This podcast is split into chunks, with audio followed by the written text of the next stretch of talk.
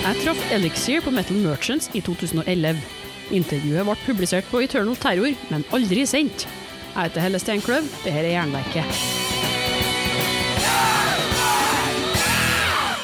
Men du, før intervjuet er noe jeg må si. Det er ikke gratis å lage Jernverket, så hvis du vil støtte produksjonen av programmet, så er det helt genialt hvis du vil donere et par slanter. Det går an å trekke et fast beløp hver måned via patrion.com jernverket, eller gi en enkeltsum via VIPS nummer 567438. Informasjon og lenkene står i episodebeskrivelser, og beløpet er selvsagt valgfritt. Bidraget går rett til Jernverket. Tusen takk for alt som er kommet inn hittil. Jeg er takknemlig for hver eneste kron.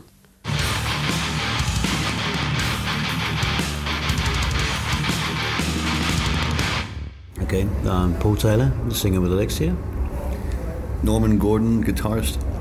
Phil Denton, guitarist. Uh, I'm Nigel, the best looking one in the band, and I play the drums. Kevin Dobbs, bass. Yeah. His mommy loves him. All right, I'm uh, here together with Elixir at the Metal Merchants Festival, and uh, you were playing here yesterday. How Yeah. did uh, how did it go? Uh, I thought it went fantastic. Uh, great crowd. Once we got the sound sorted out, it was fantastic. We got, we're in business, and the crowd lifted us, and uh, we had a great gig. yeah. Yeah. Standing in the front line myself and Yes. just we yeah, yeah. Yeah, you were down in the front. yeah, yeah. having fun. Yeah, the crowd were great. Good crowd. Uh, um, could you uh, just start by telling us the formation of uh, about the formation of Elixir in uh, 1983? That's correct. Correct, yeah. Yeah. Yeah. The two brothers, Kevin and Nigel. Yeah. Yeah, we we sort of formed the band, me and my brother, with uh, another guitarist who's a friend of ours called Steve, and um, and then we was looking for another guitarist, so we put out a few ads and. Along, For a good one. Yeah, I was looking for a good one then, but along came Phil. um, yeah, along came Phil, so we started writing material with the other guitarist, but eventually he decided to call it a day. So it was just the three of us, and then we looked for a singer, and then Paul came along, and then eventually to find one more guitarist in the band. So another few ads went out, and we found Norman. So and that was the lineup then. So We did have a female singer for a while. oh yeah, well Yeah, I saw keep that. forgetting about Yeah, that. because there was Steve and the two Dobbs brothers, Pike, yeah. and then me, and then we looked for a singer. We had a girl called Sally, Mm. and we did one demo tape with that lineup. But we played that demo tape to Neil Kay, who was the DJ at the local place where we used to play. And uh, he liked Sally, and he said um, he was putting together a girl band in America, which he'd like to join. So she went off to, to do that. And so we was without a singer again, but then we got Paul a year later. But uh, what do you think about uh, girl singers in metal bands? Because you went over to a guy from a girl to a guy. yeah. What's the story Nothing to behind it? do with tuning, I think. Well, Sally was Yeah, Sally was more in tune. I think if they uh, if they can sing, if they can do the business, why not? You know, if they can step up to the mark and you know belt it out, why not? Not opera, but more heavy metal. yeah, definitely. Crystal Yeah. Viper, and they got a fantastic singer. She's Martha's a fantastic vocalist. Back in the day when we were around, it was uh, Warlock with a flying the flag with, you know, really. Doro was a female singer. We wouldn't have minded being in a band like Warlock. We like, you know, that was our style of music. So yeah, Doro was okay with it. But you're having uh, an uh, anniversary these days for the Son of Odin album. Yeah. Uh, 25 years ago. we can't. be- I know we can't believe it. We Can look you- so young. You can't We was only five at the time. You're still very good looking. uh, could you tell us about the Son of Odin album? It's uh, that's kind of a legendary album in the uh, heavy metal. Uh, uh, yeah, we can't remember now. I'll tell you one thing that happened about it. It's not often known. The first day there, I caught my finger in the door. That one. The third one in, and I had to do all the rhythm with three fingers instead of four. And do all the lead solos in the last day or two. yeah, when- and it was agony. I did all the leads, and it was an agony. It was good. That's uh, Django Reinhardt style. It was a big, big, massive blood vessel blister came up, uh, hardened, and I got this stuff from the chemist, just spraying all the way, trying to harden it up and everything. And I just. Still, it sounds good. Yeah, I mean that first solo on the uh, first couldn't track, believe it. Star of Bashan, is like The first uh, the first time I ever went in the studio proper to record an album, that happened. but hey, And we as, got u- through as usual, the uh, musicians take so long. I think I've got about three quarters of a day to record all the vocals. I don't think it's much more than that. we wouldn't let him do anymore. We knocked it all out in four or five days, didn't we? we was, yeah, it was we was there nine days because. the mixing was four days or something. we went. We had a week off work because we worked, and we, we went down on the Friday night. So we had Saturday, Sunday, the week in between, then Saturday and Sunday, and came home Sunday.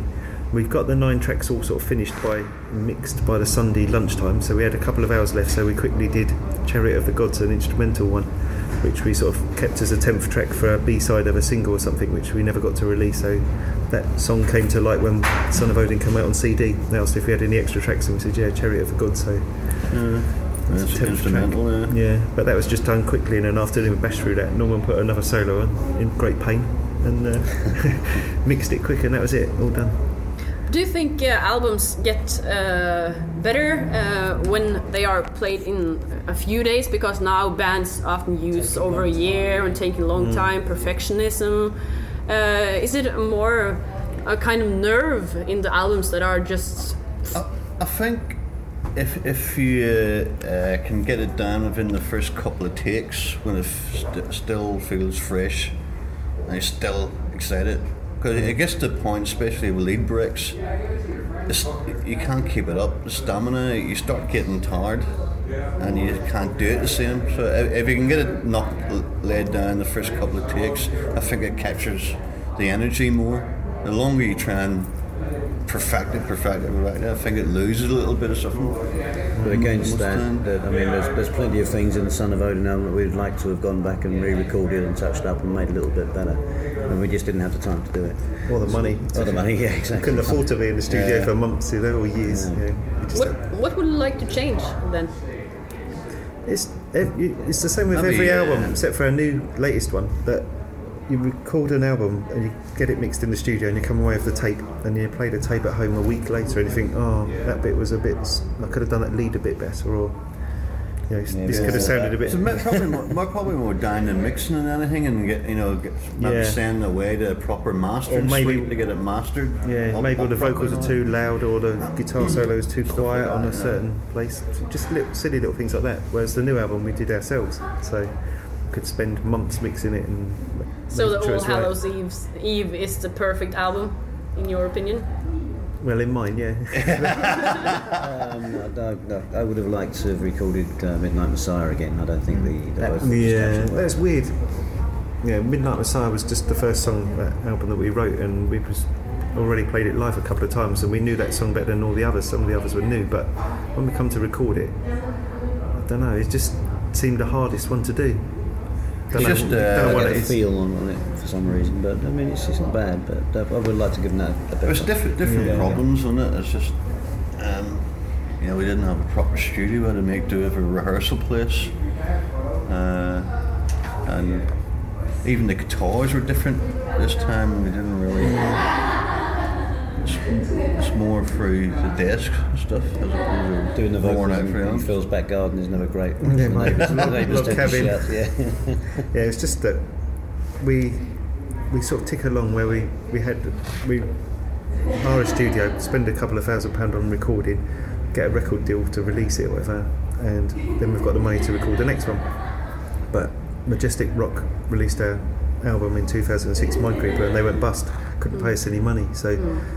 We paid out for a studio the recordings. We didn't have any money. We didn't have any option really, but to record ourselves or wait years to till we've got the money to do a new album. So Yeah, couldn't take a risk I bought a multi-track desk and just recorded ourselves at our rehearsal room, some of it, and some of it back home at my place. Hmm. But I liked doing that myself. yeah. I It what gives do you us, it gives us more time to experiment. Yeah, You heard the new album. Uh, I've heard part, parts of it. I haven't bought it yet, so I haven't heard it in a whole. right. I have to admit that.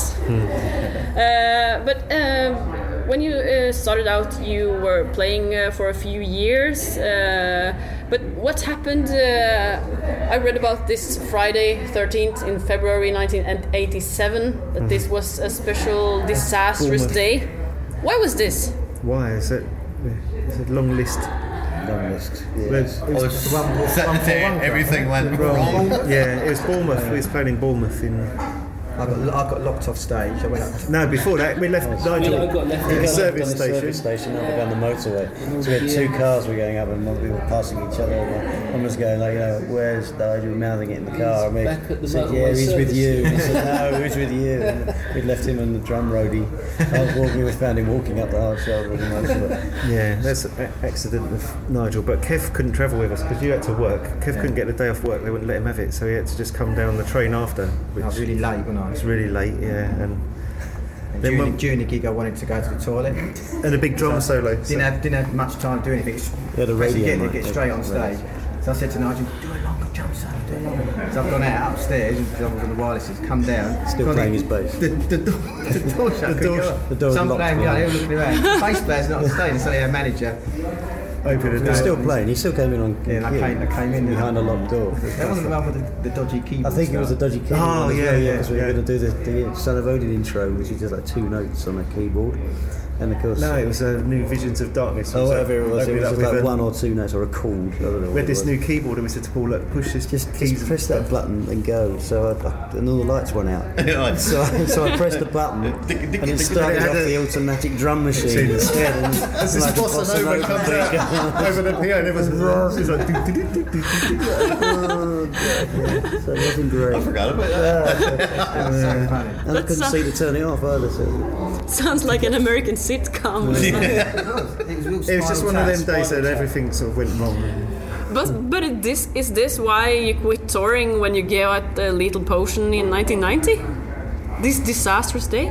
No. No, no. I mean, No. by that time it, it, it got to the fact where we we couldn't get you know any decent audiences because people weren't going out to do you know listen to gigs anymore. They were. They wanted it's seen it changed really. Uh, seen it as grunge would all come in, and it, I think it was when you, me and you left at the lineup, and I, I just said to Paul one night, I think we might just call it a day, like you know, while there's still got a bit of respectability about the name, you know, and. Uh, and that, and that was that. We decided to call it a day one night. After one gig, it didn't happen.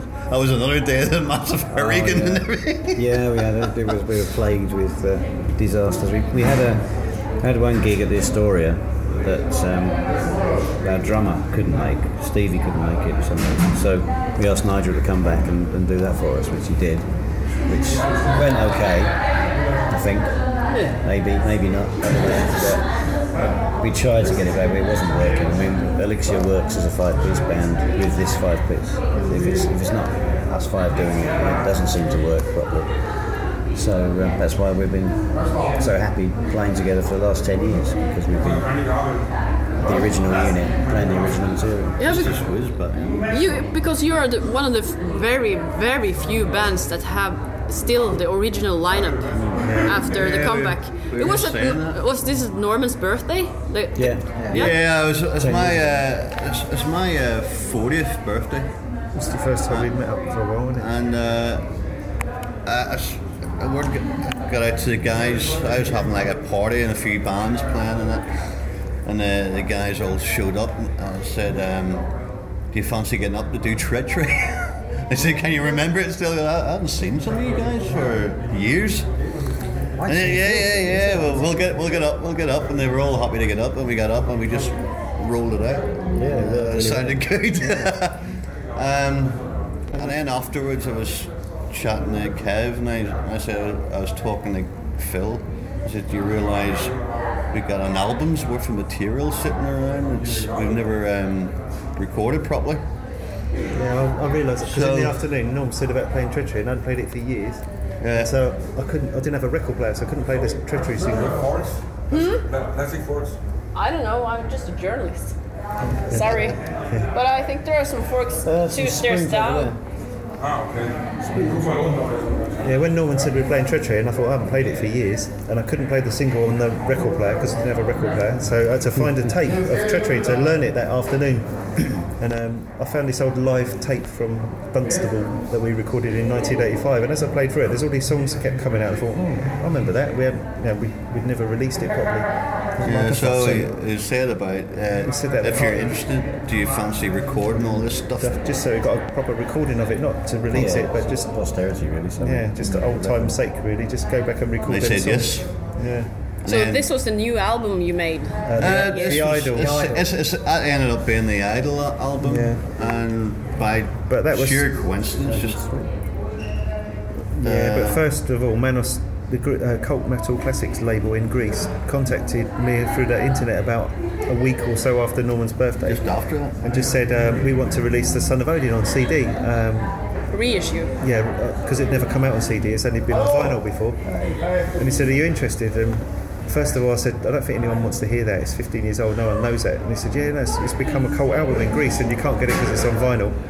So I said, "Okay, why not?" So he did a thousand copies and sold out in a month. And then they, he said, "Would you guys get back together and come and play this festival, Heavy Metal Assault Festival in Athens?" So we went, "Hmm, okay, we'll just do it and see how it goes. Yeah, we we thought we'd, we'd be the first band on something to play it for about half an hour, and the next thing is saying, "Oh, your headline it." Oh shit! we better get our ass in the gear Yeah, and so do some practice. We did a warm up gig in London first in a pub, and that went okay. And then um, when we got to Athens, it was, everything was running really late. We got on about one in the morning, and um, all the lights down. I thought, oh, what's, how's this going to go? Because the band on before us, Sacred Steel, they went down pretty well as well. I thought, oh, I'm just skinhead. we was a bit worried. And uh, You know, German guys. Yeah. so the intro music finished and that. We ripped into songs and um, the first we did the Idol first. So they didn't know too much, but when as soon as we started up with uh, Trial by Fire, the second song, which from Son of Odin album, everyone's like this big massive roar come at us, and they were singing all the words and chanting along all the riffs, and it just was taken back because We'd no, Last we'd time we we'd played no in- idea anybody knew about it really over there. yeah, So you'd really have a 10 year sleep, and then you came back by Yeah. accident almost, and Almost by accident. Yeah, Yeah. and then everyone were just like chanting your uh, yeah, Son of Odin album. and singing all the words, and like we played about two and a half hours that night. They would just kept saying more and more, and we kept played everything that we had, you know, and uh, got out about half three in the morning. it was great. And and from that, some guy saw the video, I think, and put us on, asked us to play Keep It True, and from Keep It True we did Headbangers Open Air and Heavy Metal Maniacs in Holland, and it's just carried on from there. So we just sort of said we'd just do this one gig and have fun, and that's it. But it's it's just kept on being fun, really. So then Cult Metal Classic said, Have you got any old material? And we remembered, as I was saying on that tape I found, Norman's birthday, all these old songs. So we recorded the old songs first, like relearned them, and re- recorded that and released that. But then we said it'd be a proper reformation once we write new songs and do a new album. So we did that was Mind Creeper in 2006, was a whole new songs. And then uh, now we've got to do All Hallows Eve. So So your success just have continued after this uh, Greek gig, yeah, really. it's just kept yeah? going. Yeah. Yeah, well, Yeah. people heard, well, either saw or heard about the festival we just done, and said, "Oh, good, they're still alive. They can still do stuff," and booked us for other festivals. So we bounced around the world doing festivals. Yeah, and as, as we play the festivals, you bump into other bands back from the 80s that were doing the same, saying the same thing. All of a sudden, people want to hear us again, and there seemed to be a bit of a demand. So, so it's a bit of a surprise probably for all our bands, really. And then we used to say, why isn't there any festivals like this in England? You know, it's dead in England. So, and there wasn't any. So I did my own British Steel Festival. So we do Yeah. that now. And we have like 80s bands like us on. We've got one coming up in a few weeks. Yeah, could you tell uh, tell us about, uh, a bit more about the British Steel Festival? Um, Which uh, which bands do you book? right. Well, this this one Find coming out up. who's still alive first. This one coming up is um, Pagan Altar, um, Steve Grimmett's Grim Reaper, us, a band called Saracen, around in the 80s and back again, and a band called Agincourt, uh, who are a new wave of British heavy metal band, who's sort of reformed recently. Um, we've had, the Yeah, first one we had Demon, uh, we've had Tygers of Pan Tang, Jaguar, Chariot, Handsome Chariot, Beasts, yeah, Handsome Beasts, uh, Cloven Hoof.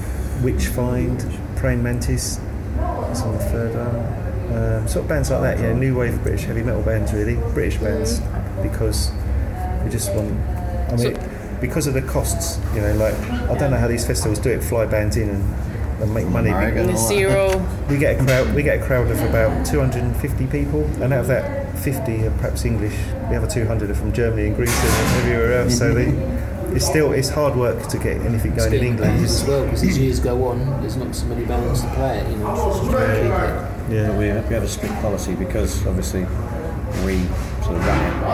We, we always insist on playing it because it's unfair.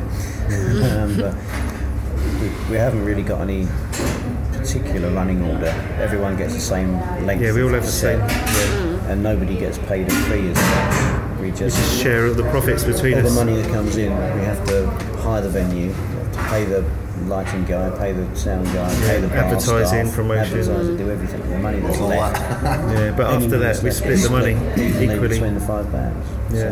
So, And we have one sort of back line, so there's not a band like forced like with support bands. You, you see all the bands with their headline band with all their gear all over the stage, and they've got like two inches of space in front. You know, this is just one back line, and we share. We'll get the same stage space. So we try and make it as equal as possible. it's been really good for other bands though. They, they take the risk and come down to London to play their gig, um, knowing they're not probably going to cover their costs. Yeah, like But Hammerhead, they come from miles. Yeah, people see them playing and then realise they're still alive and playing, and then they, And they get offered booked for things, yeah. around the world from that. Yeah. Yeah, I see the new wave of British heavy metal scene is growing mm. now these days. You think so? Yeah, it's more and more festivals. Uh, this Metal Merchants is pretty new. It's just three years old. Yeah. And then we have Keep It True, the British Steel, and mm. there are small festivals popping up all over Europe. Mm. Nothing in England though, really. Only, Only us. only as I Yeah. say, it's more so in Europe where it's still well more popular. I think I think it's it's popular because at that time people were still writing songs.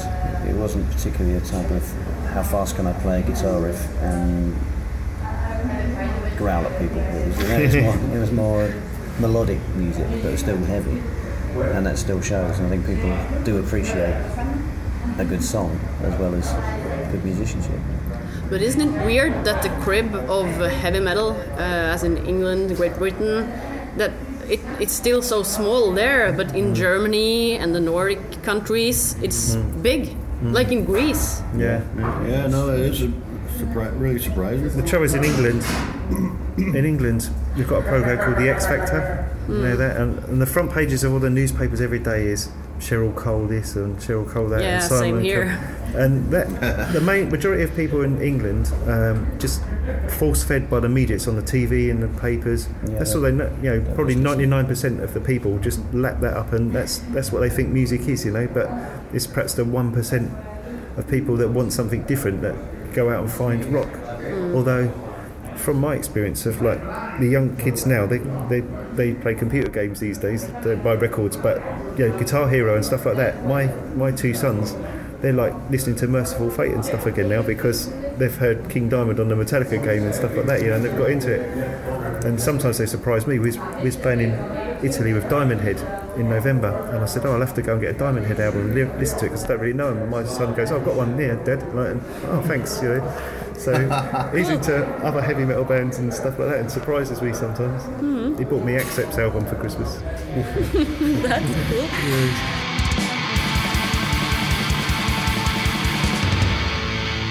But uh, now these days you have been playing, uh, or this is maybe uh, yesterday was the first day you played uh, Son of Odin in its whole. No, we've done it before in You did it Greece. before, We yeah. did it in Greece. First Because- time was in Greece, but Yeah, because you have you have given out more albums than Son of Odin, Mm. uh, but now you're playing mostly songs from that album because of the anniversary. Yeah, Yes. really. But yeah. how does it feel that people appreciate that album so much more than your newer uh, It's- releases? It is strange. We're, we're, we're not quite sure why. It's just people have grown up with it and like it, and they feel happy and comfortable with it. I mean, that's good. We're, we're, we're very honoured that they do. I mean, we think I think the new album is as good as good. anything we've done. And in 25 years' time, people will like the new album. But So we'll have to go around all over again and do that. We're a, s- we're a small band and we, we haven't got £2,000 to put big adverts in Classic Rock magazine in England and, and we can't promote it on the radios and stuff. We haven't got that money to promote the album. So all we can do is sell it on our website, and slowly the trickle of albums goes out, and someone hopefully likes it and tells their friends, and they buy it, and the word is spread. It just takes a lot longer than a big band like Iron Maiden. Who, yeah, they put a new album out, and everyone knows it's out there, and they get it straight away. I mean, it happens with every band. I mean, you know, people say Deep, new Deep albums, Purple, people say Our Machine is their best album, but you know, mm. Fireball's a great album. In Rock's a great album, you know, and Burn the Stormbringer are great albums. So people have their own favourites. And with us, it's a safe bet. I mean, people haven't got that much cash to go around buying albums on spec, so everyone, you know, has heard of that one, so they'll go for that one first to make sure they like it. But what's the difference between uh, uh, Elixir uh, 1986, Elixir uh, 2011? Uh, the difference between Son of Odin Time and All Hallows Eve? About 20 stone? Yeah. And a lot less hair. If you say- Probably, uh, You're just as tough and just as I think, uh, I think fast. we're, I think if anything, uh, I think we're a bit more accomplished players now. Um, um, the dynamics were maybe uh, first time around it'd be all flat out, full out, you know. But now we can lift, you know, get the mood of the song. We're much better crafted at that. Uh, The singer. I think the songwriting is better, although some people would probably dispute that. Uh, yeah, no, well, uh, there's there's no pressure. Before it was a case of, Yeah. you know, why can't we get signed up? Why can't we make, you know? Yeah, we, we wanted a record deal or- and packing their jobs and go professional, and that's Yeah. what our goal was. Yeah, well, main thing, you know. If, we- I- I- if anything, I think we're a bit heavier now. These days, we just said when we got back together, we just do it for fun.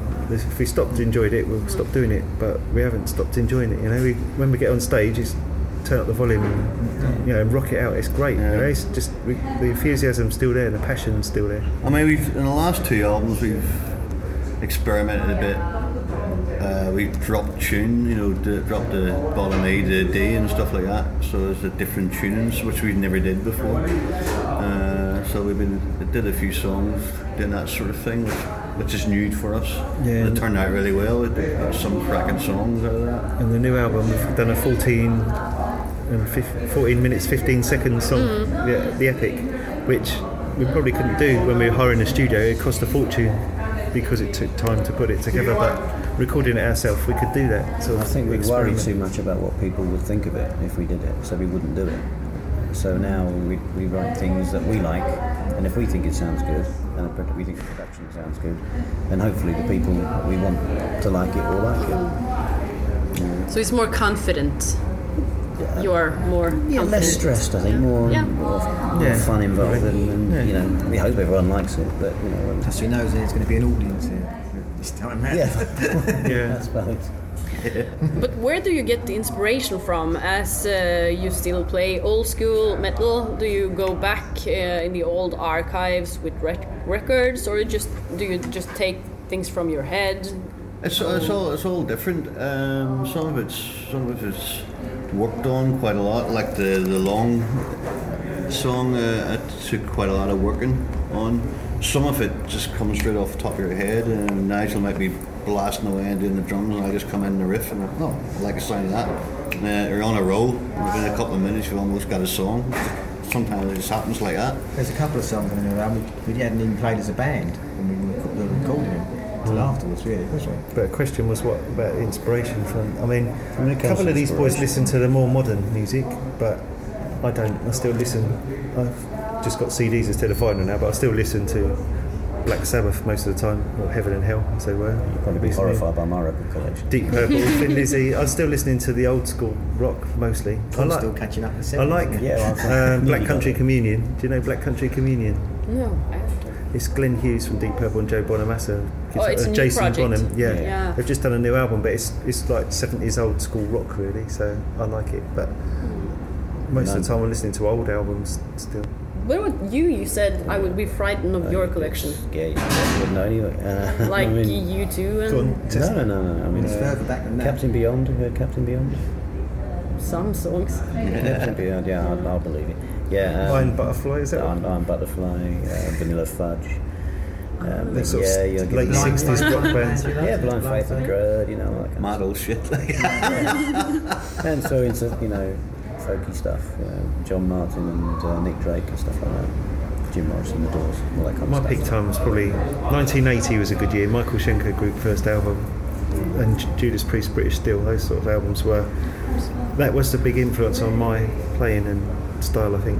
And I still listen to that kind of stuff. Mercyful Fate, first two albums, 1983 and four or whatever it was. It does show that, that we do listen or have listened to older stuff because I mean Phil came out with the on the Mindcreeper album there was the um, Ironhawk track on that. Phil came out with the main riff for that and just said, "Well, that's a riff." Well, yeah, I probably won't do anything with it because it's gonna the main part of the song is that riff. And I thought, well, hang on a minute. Budgie can get away with playing a riff, one riff, for about 10 minutes on a song and get away with it quite nicely. So we did that and made him do the song. Yeah. And it worked out brilliantly, I think. Well, I think Yeah. anyway. Yeah, one of my favourites. Uh, track. But it wasn't going in much to Norm's come up with that chord verse part. When Yeah, Norm's yeah, come up with a verse, verse yeah, idea, it's quite an original sort of thing as well. And that's sort of like, oh, put it in a new direction then, and we carried on. I mean, we know what we're good at. So if Phil comes up with a, a riff, he'll say, right, I've got this killer riff, it's good, it's a good introduction thing, we can probably use it for a verse, but I need a chorus. Then one of us will try and chip in with a chorus for it. Or if we've got something, they say it's lacking something, we give it to Phil, and Phil will say, right, okay, we need to drop it of a section and put another little panel in. I mean, I mean, personally, I like a lot of progressive, well, what they call now progressive metal. You know, I, I like Rush uh, and Dream Theater and all that sort of stuff, which is a whole other side of playing, like so. I mean, when we started as well, uh, our main influence, well, early influences was the Mercyful Fate albums, and Queensryche had just come out their first albums, and that was like complicated technical time changes and things, sort Probably progressive. Queen, Queensryche and Mercyful Fate were probably some of our biggest influences, yeah. really, in the, in the early days. days. really. Yeah. Paul sort of smoothed out the where we put all the time change. You know, did songs like Death Toll, which is like a great big long song with lots of changes. Paul smoothed us out and made the songs a bit more you know, vocal friendly and Yeah, hopefully. What are your uh, future plans now uh, after all these uh, festivals and uh, the new album uh, will soon be an old album again? Are you going to write a new one, tour? Yeah, or- we're, young, we're already stuff. working on some ideas for a new album. Yeah, because we've got the recorder now. We can, there's nothing holding us back. You know, we can, I've got I've been down my cabin the last few weeks putting a few riffs down on to demo form, but we haven't started working on that until we've got um, a few festivals and gigs coming up till April, and then after that. Uh, So we'll see what comes in if any other gigs come about. We'll, yeah, if but not, in between time we'll start working on some new ideas for another album. But we, I, I quite fancy, I fancy doing a whole concept album next time, a whole album.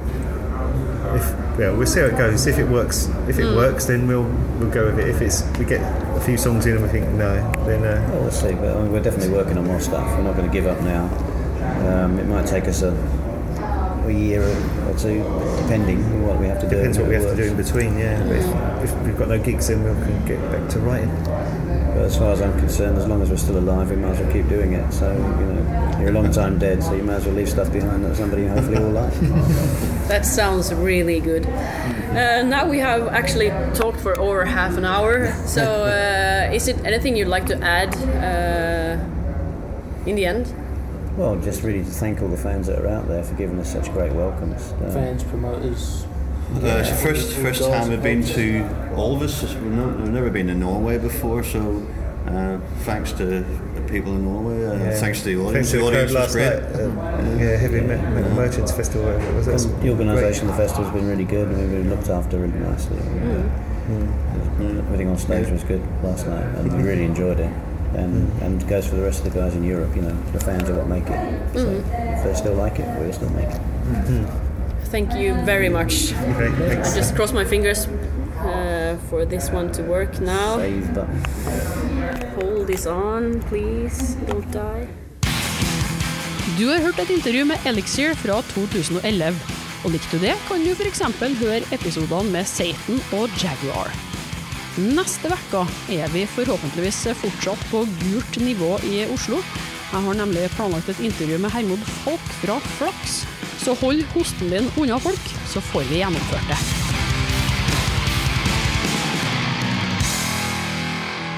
Hvis ikke gjør det allerede, abonner på Jernverket podkast via podkast-app, eller gå inn på jernverket.kom. Fortell alle du kjenner om podkasten, og legg gjerne igjen ei god anmeldelse der du hører. Vil du bidra med noen kroner for at jeg skal kunne fortsette, kan du gi støtte via Patrion eller VIPS. Info i episodebeskrivelser. Husk på å følge Jernverket på Instagram og Facebook òg, for konkurranser, diskusjoner og musikktips. Akkurat nå kan du vinne skiver og merch fra både Dark Essence og Katakomben.